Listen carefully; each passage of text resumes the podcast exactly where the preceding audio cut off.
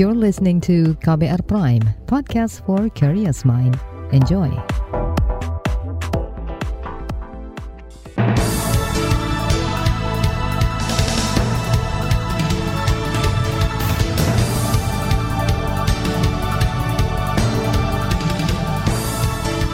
Selamat pagi saudara, senang sekali kami bisa menjumpai Anda kembali melalui program Buletin Pagi edisi Jumat 3 Juni 2022. Bersama saya Naomi Liandra. Sejumlah informasi pilihan telah kami siapkan di antaranya polemik pembahasan RUU Perlindungan Data Pribadi. Pemerintah akan bikin tim khusus anti mafia tanah. Ribuan personel kawal demo tolak pemekaran wilayah di Papua. Inilah buletin pagi selengkapnya. Terbaru di buletin pagi. Pembahasan rancangan undang-undang perlindungan data pribadi mengalami kebuntuan. Salah satu hal yang menjadi perdebatan ialah terkait pembentukan dan status Badan Khusus Penanganan Perlindungan Data Pribadi. Pemerintah berharap badan khusus itu berada di bawah Kementerian Kominfo, sementara DPR bersikeras mengupayakan badan khusus yang independen.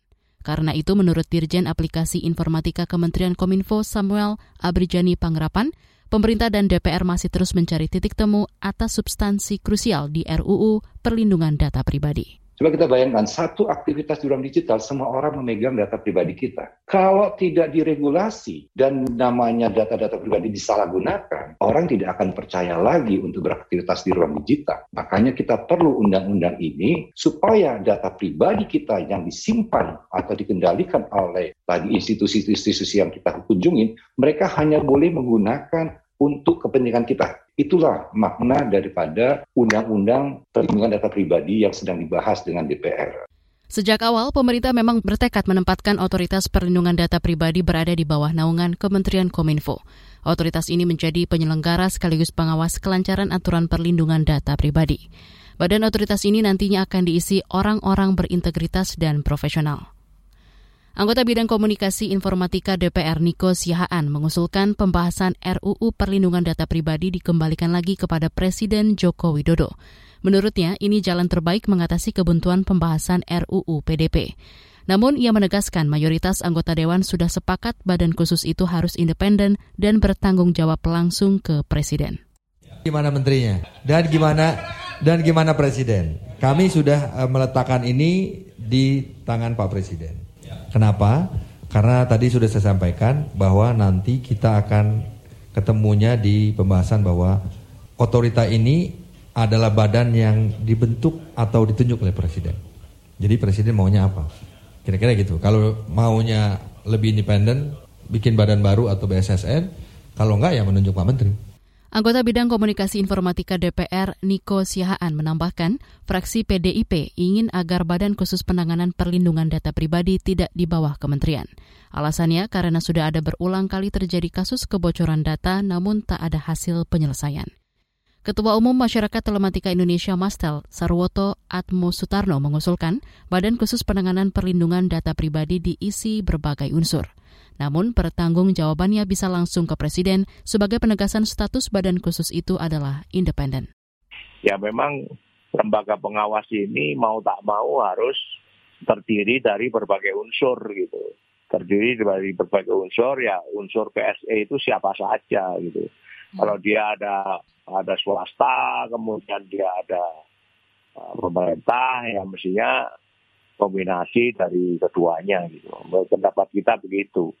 Itu yang yang paling penting uh, itu dibentuk bahwa nanti dia bertanggung jawab pada presiden ya itu lebih independen gitu ya. Ketua Umum Masyarakat Telematika Indonesia Sarwoto Atmo Sutarno menilai tidak lazim jika Badan Khusus Penanganan Perlindungan Data Pribadi diisi hanya SDM dari pemerintah saja. Karena tugas Badan Khusus itu antara lain sebagai pengawas, sebab menurutnya tidak mungkin pemerintah mengawasi dirinya sendiri. Sementara itu, Koalisi Advokasi Perlindungan Data Pribadi mengusulkan agar personil yang duduk di badan khusus berasal dari SDM yang ada di Kementerian Kominfo. Tetapi status dari otoritas penanganan perlindungan data pribadi itu harus independen dan bertanggung jawab langsung ke Presiden. Contohnya seperti Lembaga Ombudsman RI dan Komisi Pengawas Persaingan Usaha atau KPPU. Anggota koalisi yang juga Direktur Eksekutif Lembaga Studi dan Advokasi Masyarakat Elsam, Wahyudi Jafar Jadi yang bisa dikembangkan adalah bagaimana usulan dari DPR itu diperbaiki kembali dengan menghadirkan materi-materi gitu kan, struktur-struktur terkait dengan uh, otoritas perlindungan data pribadi untuk memenuhi persyaratan independensi tadi gitu kan. Misalnya terkait dengan uh, mekanisme pemilihan komisioner perlindungan data pribadi dan seterusnya. Itu tadi anggota Koalisi Advokasi Perlindungan Data Pribadi Wahyudi Jafar.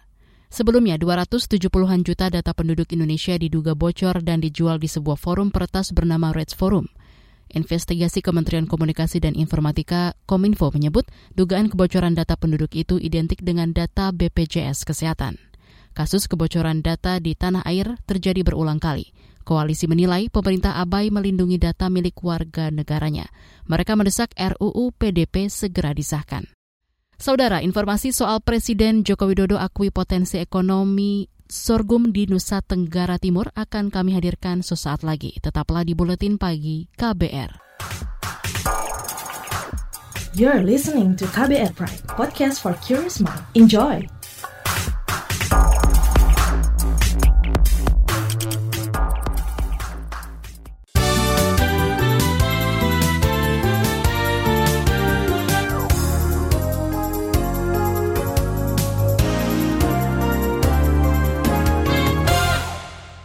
Anda sedang mendengarkan Buletin Pagi KBR. Presiden Joko Widodo mengatakan sorghum bisa menjadi alternatif bahan pangan selain beras. Sorghum merupakan tanaman sejenis biji-bijian sereal. Kata Jokowi, alternatif itu harus disiapkan guna menghadapi ancaman krisis pangan dunia. Hal itu disampaikan Jokowi kemarin saat meninjau panen sorghum di Kabupaten Sumba Timur, Nusa Tenggara Timur.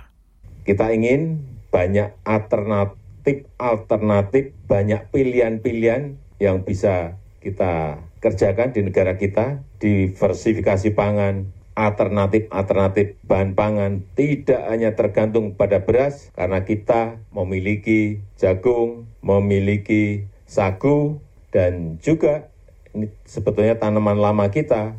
Yang ketiga adalah sorghum. Presiden Jokowi memerintahkan kepada para kepala daerah untuk menyiapkan lahan yang bisa dipakai menanam komoditas sorghum. Menurutnya penanaman sorghum bisa menghasilkan minimal 5 ton per hektar dengan nilai 50 juta per tahun. Pemerintah akan menerbitkan peraturan pemerintah dan membentuk tim khusus untuk menangani kasus bidang pertahanan. Menko Polhukam Mahfud MD menyampaikan hal itu kemarin usai rapat lintas kementerian dan lembaga di kantornya di Jakarta.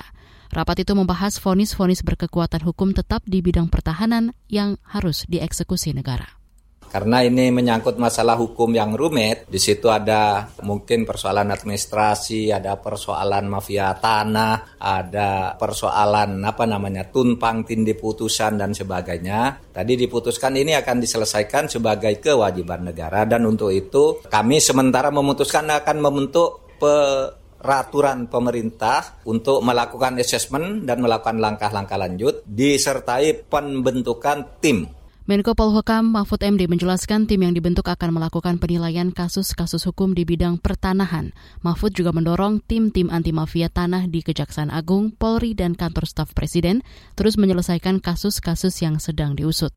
Nantinya, Komisi Pemberantasan Korupsi KPK juga dilibatkan untuk mengusut kasus hukum di bidang pertanahan. Proses pengadaan barang dan jasa di daerah sering kali diwarnai aksi suap. Menurut Deputi Bidang Pencegahan KPK Pahala Nainggolan, korupsi pengadaan barang dan jasa merupakan kasus yang paling banyak terjadi. Penyebabnya antara lain karena adanya intervensi dari oknum-oknum yang ingin berbuat rasuah di daerah. Pengadaan barang jasa, perizinan, udah modusnya suap, udah gitu-gitu aja lah ceritanya.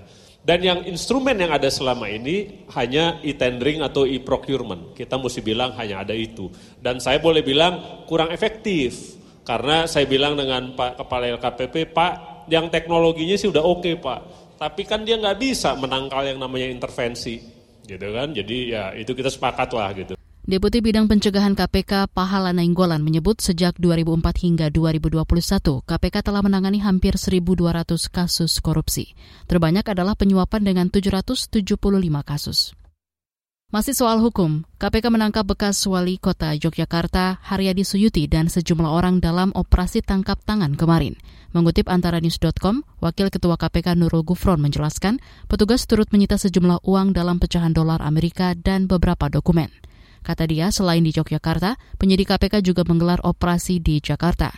Ia menyebut kasus ini terkait dugaan penyuapan. Namun, KPK belum bisa menjelaskan detail kasus yang menjerat Haryadi Suyuti dan sejumlah orang itu. KPK bakal mengumumkan perkara setelah penyelidikan rampung dilakukan. Beralih ke berita ekonomi. Tarif angkutan udara menjadi komoditas penyumbang inflasi pada Mei 2022. Kepala Badan Pusat Statistik BPS Margo Yono menyebut selain tarif angkutan udara, komoditas lain seperti telur ayam ras, ikan segar, dan bawang merah juga menjadi pemicu inflasi di bulan yang sama. Pada bulan Mei tahun 2022 ini terjadi inflasi sebesar 0,40 persen atau terjadi peningkatan indeks harga konsumen atau IHK dari 109,98 pada bulan April tahun 2022 menjadi 110,42 pada Mei 2022. Kepala BPS Margo Yono menambahkan untuk inflasi tahun kalender Januari ke Mei 2022 sebesar 2,56 persen. Sementara tingkat inflasi tahun ke tahun atau year on year sebesar 3,5 persen. Inflasi tertinggi terjadi di kota Tanjung Pandan sebesar 2,2 persen. Sedangkan inflasi terendah terjadi di Tangerang dan Gunung Sitoli sebesar 0,5 persen. Kita ke berita mancanegara. Otoritas Arab Saudi akan memberikan sanksi bagi jemaah haji asing yang tidak memiliki izin alias tidak mengantongi visa haji. Ditjen Paspor atau Jazawat menjelaskan, siapa pun yang terbukti berhaji tanpa memiliki izin akan dideportasi untuk jangka waktu 10 tahun. Selain itu, visa kunjungan keluarga tidak dapat diubah menjadi izin tanggal. Sementara itu, Kementerian Haji dan Umroh Arab Saudi menegaskan ibadah haji tahun ini diikuti satu juta jemaah haji, asing maupun domestik. Bagi jemaah haji asing wajib memiliki visa haji. Sedangkan bagi warga setempat yang memiliki izin tinggal dan hendak berhaji, wajib menyelesaikan tiga dosis vaksin COVID-19. Kita ke berita olahraga. Timnas U19 Indonesia sukses memetik kemenangan perdana di turnamen Toulon 2022. Timnas menaklukkan Ghana 1-0 pada laga lanjutan grup B. Gol itu diciptakan Raka Cahyana di menit ke-58. Kemenangan ini membuat Timnas U19 Indonesia meraih 3 poin perdana setelah sebelumnya gagal meraup poin karena kalah dari Venezuela 0-1 di laga pertama. Selanjutnya Timnas U19 Indonesia akan menantang Meksiko Ahad lusa. Masih dari sepak bola, saudara pelatih timnas Indonesia Sintayong telah menetapkan 23 pemain yang akan berlaga di kualifikasi Piala Asia 8 hingga 14 Juni 2022. Dari 23 pemain tersebut, Sintayong tak mengikut sertakan Egi Maulana Fikri karena cedera. Pemain lain yang cedera dan tak masuk daftar pemain di kualifikasi ialah Evan Dimas, Irfan Jauhari, dan Hernando. Namun Elkan Bagot, Asnawi Mangkualam, Witan Sulaiman, hingga Pratam Arhan masuk dalam daftar pemain kualifikasi. Meski begitu, Ketua PSSI Muhammad Iriawan optimistis timnas akan lolos ke Piala Asia 2023. Di bagian berikutnya kami hadirkan laporan khas KBR tentang fenomena lanina, waspada gagal panen. Tetaplah di Buletin Pagi KBR. You're listening to KBR Pride, podcast for curious mind. Enjoy!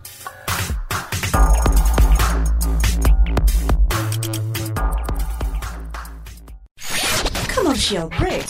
Commercial break. Walah, ada OTT lagi nih. Bro, Udah nunggu dari tadi ya? Sorry, sorry, macet. Bentar, bentar. Ini ada apa nih di Surabaya? Ini penting nih. Hoax apa bukan ya info ini? Mantengin timeline apa sih? Seru amat. Jadi lari sore nggak nih? Nih, kamu perlu tahu juga. Supaya update berita, pantau timeline at berita KBR bro. Akun Twitternya KBR. Beragam beritanya dan yang terpenting media ini terverifikasi Dewan Pers. Dijamin bebas hoax. Oh, oke. Okay.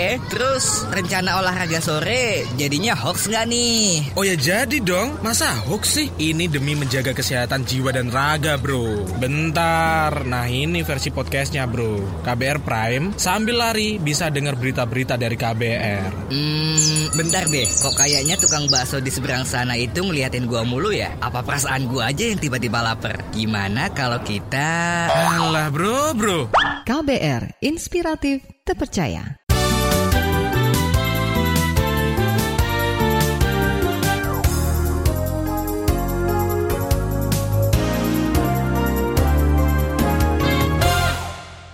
Anda masih bersama kami di Buletin Pagi KBR. Musim kemarau tahun ini berpotensi mundur akibat fenomena La Nina. Akibat curah hujan yang lebih tinggi itu, sejumlah petani tanaman hortikultural berpotensi merugi. Lantas, apa upaya mitigasi pemerintah? Berikut laporan khas KBR yang disusun jurnalis Mutia Kusuma Wardani. Potensi lanina akan berlanjut pada semester kedua tahun ini. Lanina ialah kondisi suhu muka laut atau SML di Samudra Pasifik bagian tengah yang dingin di bawah suhu normalnya. Situasi tersebut berpotensi meningkatkan curah hujan di wilayah Indonesia secara umum dan mengakibatkan musim kemarau mundur. Ini menjadi tahun ketiga berturut-turut atau disebut lanina berantai. Kepala Pusat Informasi Iklim Terapan Badan Meteorologi, Klimatologi, dan Geofisika BMKG, Arda Senasopa Heluakan, mengatakan tingginya curah hujan itu akan berdampak pada komoditas pangan. Karenanya, pemerintah daerah dan dinas pertanian harus mengantisipasi hal itu tapi biasanya tanaman yang sifatnya hortikultura yang uh, apa membutuhkan kondisi kering ketika misalkan dia mau dipanen seperti tembakau gitu ya itu barangkali kurang kurang favorable kurang menguntungkan gitu. Ardasena meminta tingginya curah hujan ini juga dimanfaatkan untuk pengelolaan sumber daya air, semisal untuk irigasi sawah. Ia berharap curah hujan yang tinggi itu tak langsung mengalir ke laut. Kata dia, awal pergantian ke musim kemarau nantinya akan terjadi di wilayah-wilayah pesisir, semisal di Jawa Tengah sebagai salah satu sentra tanaman bawang. Kata dia, daerah-daerah yang ditanami tanaman hortikultura baru akan mengalami kemarau pada bulan ini. Merespons kondisi tersebut, Menteri Pertanian Syahrul Yasin Limpo mengklaim telah melakukan mitigasi kerugian pertanian akibat cuaca ekstrim La Nina. Untuk mengantisipasi dampak perubahan iklim, hingga akhir tahun dan mengamankan produksi pangan kita, maka Kementerian Pertanian telah mempersiapkan kegiatan adaptif, adaptasi dan mitigasi. Kegiatan adaptasi meliputi yang pertama pengembangan sumber air alternatif atau embun dan parit dan lain-lain. Yang kedua pengembangan irigasi hemat air.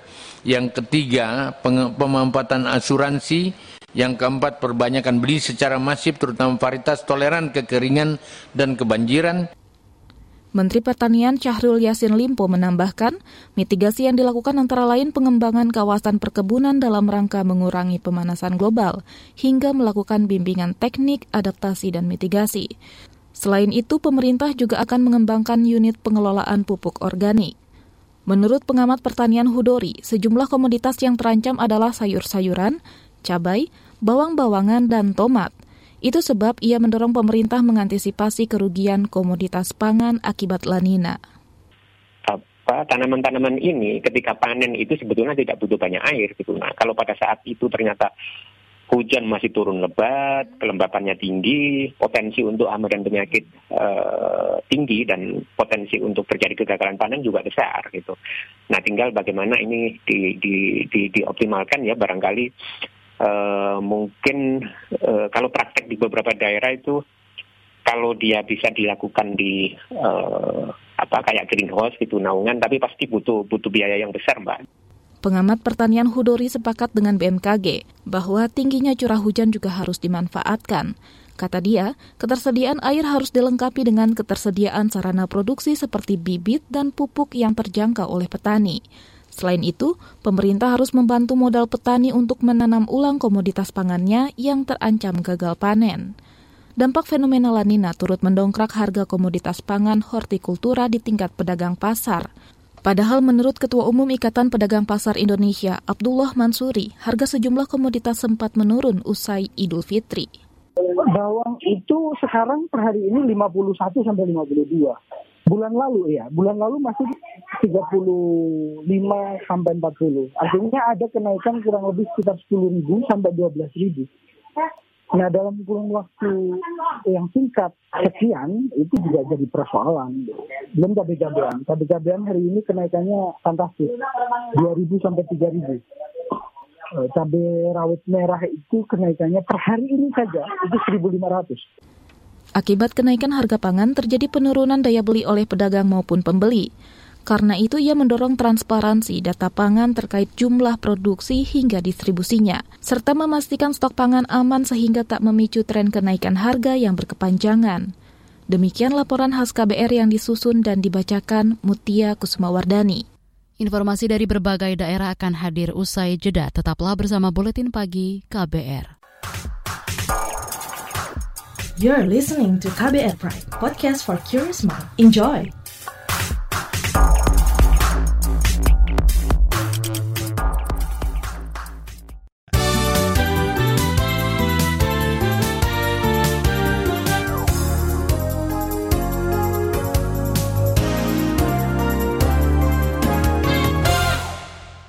Inilah bagian akhir buletin KBR. Polresta Jayapura, Papua menyiagakan 2.000 personel gabungan untuk mengamankan unjuk rasa menolak rencana pemekaran Provinsi Papua. Unjuk rasa yang dikoordinir Petisi Rakyat Papua atau PRP akan berlangsung hari ini. Kapolresta Jayapura, Victor Makbon mengklaim pengerahan pasukan untuk mengantisipasi agar aksi unjuk rasa berlangsung rusuh, seperti yang pernah terjadi pada Agustus 2019. Kami sudah bangun komunikasi dengan penanggung jawab kalau bisa memenuhi syarat sesuai dengan Undang-Undang 9 tahun 98, kami persilakan. Tapi kalau tidak, mohon maaf, tentunya kita akan lakukan upaya-upaya. Tetap akan kami fasilitasi. Kami sudah bilang kalau butuh kendaraan, kami akan fasilitasi. Tujuan ke DPR apa? Nenek mobil itu. Sampaikan aspirasi. Kami tidak melarang, tetapi caranya yang dirubah. Tidak dengan cara long march. Kapolresta Jayapura Victor Makbon. Sementara itu juri bicara petisi rakyat Papua Jeffrey Wenda menyatakan unjuk rasa menolak rencana pemekaran Provinsi Papua akan berlangsung serentak di beberapa kabupaten di Papua dan Papua Barat. Di luar Papua, unjuk rasa akan digelar di Jakarta, Semarang, Surabaya, Yogyakarta, Malang, Jember, Makassar, dan Bali. Menteri Dalam Negeri Mendagri Tito Karnavian menyerukan kepada pemerintah daerah segera membelanjakan pendapatan asli daerah atau PAD-nya. Menurut Tito, PAD yang dibelanjakan dapat membuat ekonomi bergerak dan daya beli masyarakat di daerah meningkat. Itu sebab ia tidak ingin PAD disimpan di bank. Ini disampaikan Tito saat rapat Koordinasi Nasional Pengelolaan Keuangan Daerah 2022 kemarin kepada daerah segera manfaatkan dengan terkendalinya pandemi COVID-19 untuk memacu pertumbuhan ekonomi daerah masing-masing dengan cara mencari peluang untuk meningkatkan pendapatan. Begitu pendapatan sudah di, di, diperoleh, ya segera belanjakan agar ada uang beredar, ekonomi bergerak. Nah itu kira-kira uh, evaluasi kita. Ini kita akan evaluasi terus tiap bulan dan kita bacakan nanti daerah mana yang rendah. Ya yang rendah mungkin saya akan buat teguran seperti tahun lalu. Dalam kesempatan itu, Mendagri Tito Karnavian memberikan penghargaan kepada sejumlah pemerintah daerah terkait pendapatan asli daerahnya. Antara lain Blitar sebagai salah satu dari lima kota penerima penghargaan realisasi pendapatan daerah tertinggi tahun 2021. Kemudian penghargaan berikutnya terkait realisasi belanja daerah tertinggi tahun 2021. Salah satu dari lima daerah penerima penghargaan tersebut adalah Tanjung Pinang. Harga rata-rata telur ayam ras di DKI Jakarta per kemarin mencapai 28.500 per kilogram. Harga tertinggi di, terjadi di Pasar Grogol, Jakarta Barat, yakni 30.000 per kilogram. Kenaikan juga terjadi pada harga bawang merah. Ketua Umum Ikatan Pedagang Pasar Indonesia IKAPI, Abdullah Mansuri mengakui harga komoditas pangan terus naik. Salah satu faktornya ialah fenomena badai La Nina bawang itu sekarang per hari ini 51 sampai 52. Bulan lalu ya, bulan lalu masih 35 sampai 40. Artinya ada kenaikan kurang lebih sekitar 10 ribu sampai 12 ribu. Nah dalam kurun waktu yang singkat sekian itu juga jadi persoalan. Belum cabai-cabean. Cabai-cabean hari ini kenaikannya fantastis. 2.000 sampai 3.000. Eh, cabai rawit merah itu kenaikannya per hari ini saja itu 1.500. Ketua Umum IKP Abdullah Mansuri mendorong pemerintah memastikan stok pangan aman sehingga tak memicu tren kenaikan harga yang berkepanjangan. Dia juga mendorong ada transparansi data pangan terkait jumlah produksi, letak produksi, asumsi permintaan hingga distribusinya. Pemerintah Kabupaten Tangerang, Banten memperketat pengawasan lalu lintas pengiriman hewan dari luar daerah. Pengawasan ini salah satu upaya mengantisipasi penyebaran wabah penyakit mulut dan kuku atau PMK pada hewan ternak. Menurut Bupati Tangerang Ahmed Zaki Iskandar, ada delapan titik pos penyekatan arus lalu lintas kendaraan pengiriman hewan ternak dari luar daerah. Kemarin Pemkap Tangerang melakukan sterilisasi dengan menyemprotkan disinfektan ke kandang sapi yang terkena penyakit mulut dan kuku di Kompleks Ternak Kampung Korolet, Desa Rancaiyo. Zaki mengklaim sudah mengidentifikasi dan menangani sejumlah titik peternakan di enam kecamatan yang terdapat 35 ekor sapi suspek PMK. Informasi tadi menutup jumpa kita di Buletin Pagi hari ini. Pantau juga informasi terbaru melalui kabar baru, situs kbr.id, Twitter kami di akun @beritaKBR, serta podcast di alamat kbrprime.id. Akhirnya saya Naomi Liandra bersama tim yang bertugas undur diri. Salam.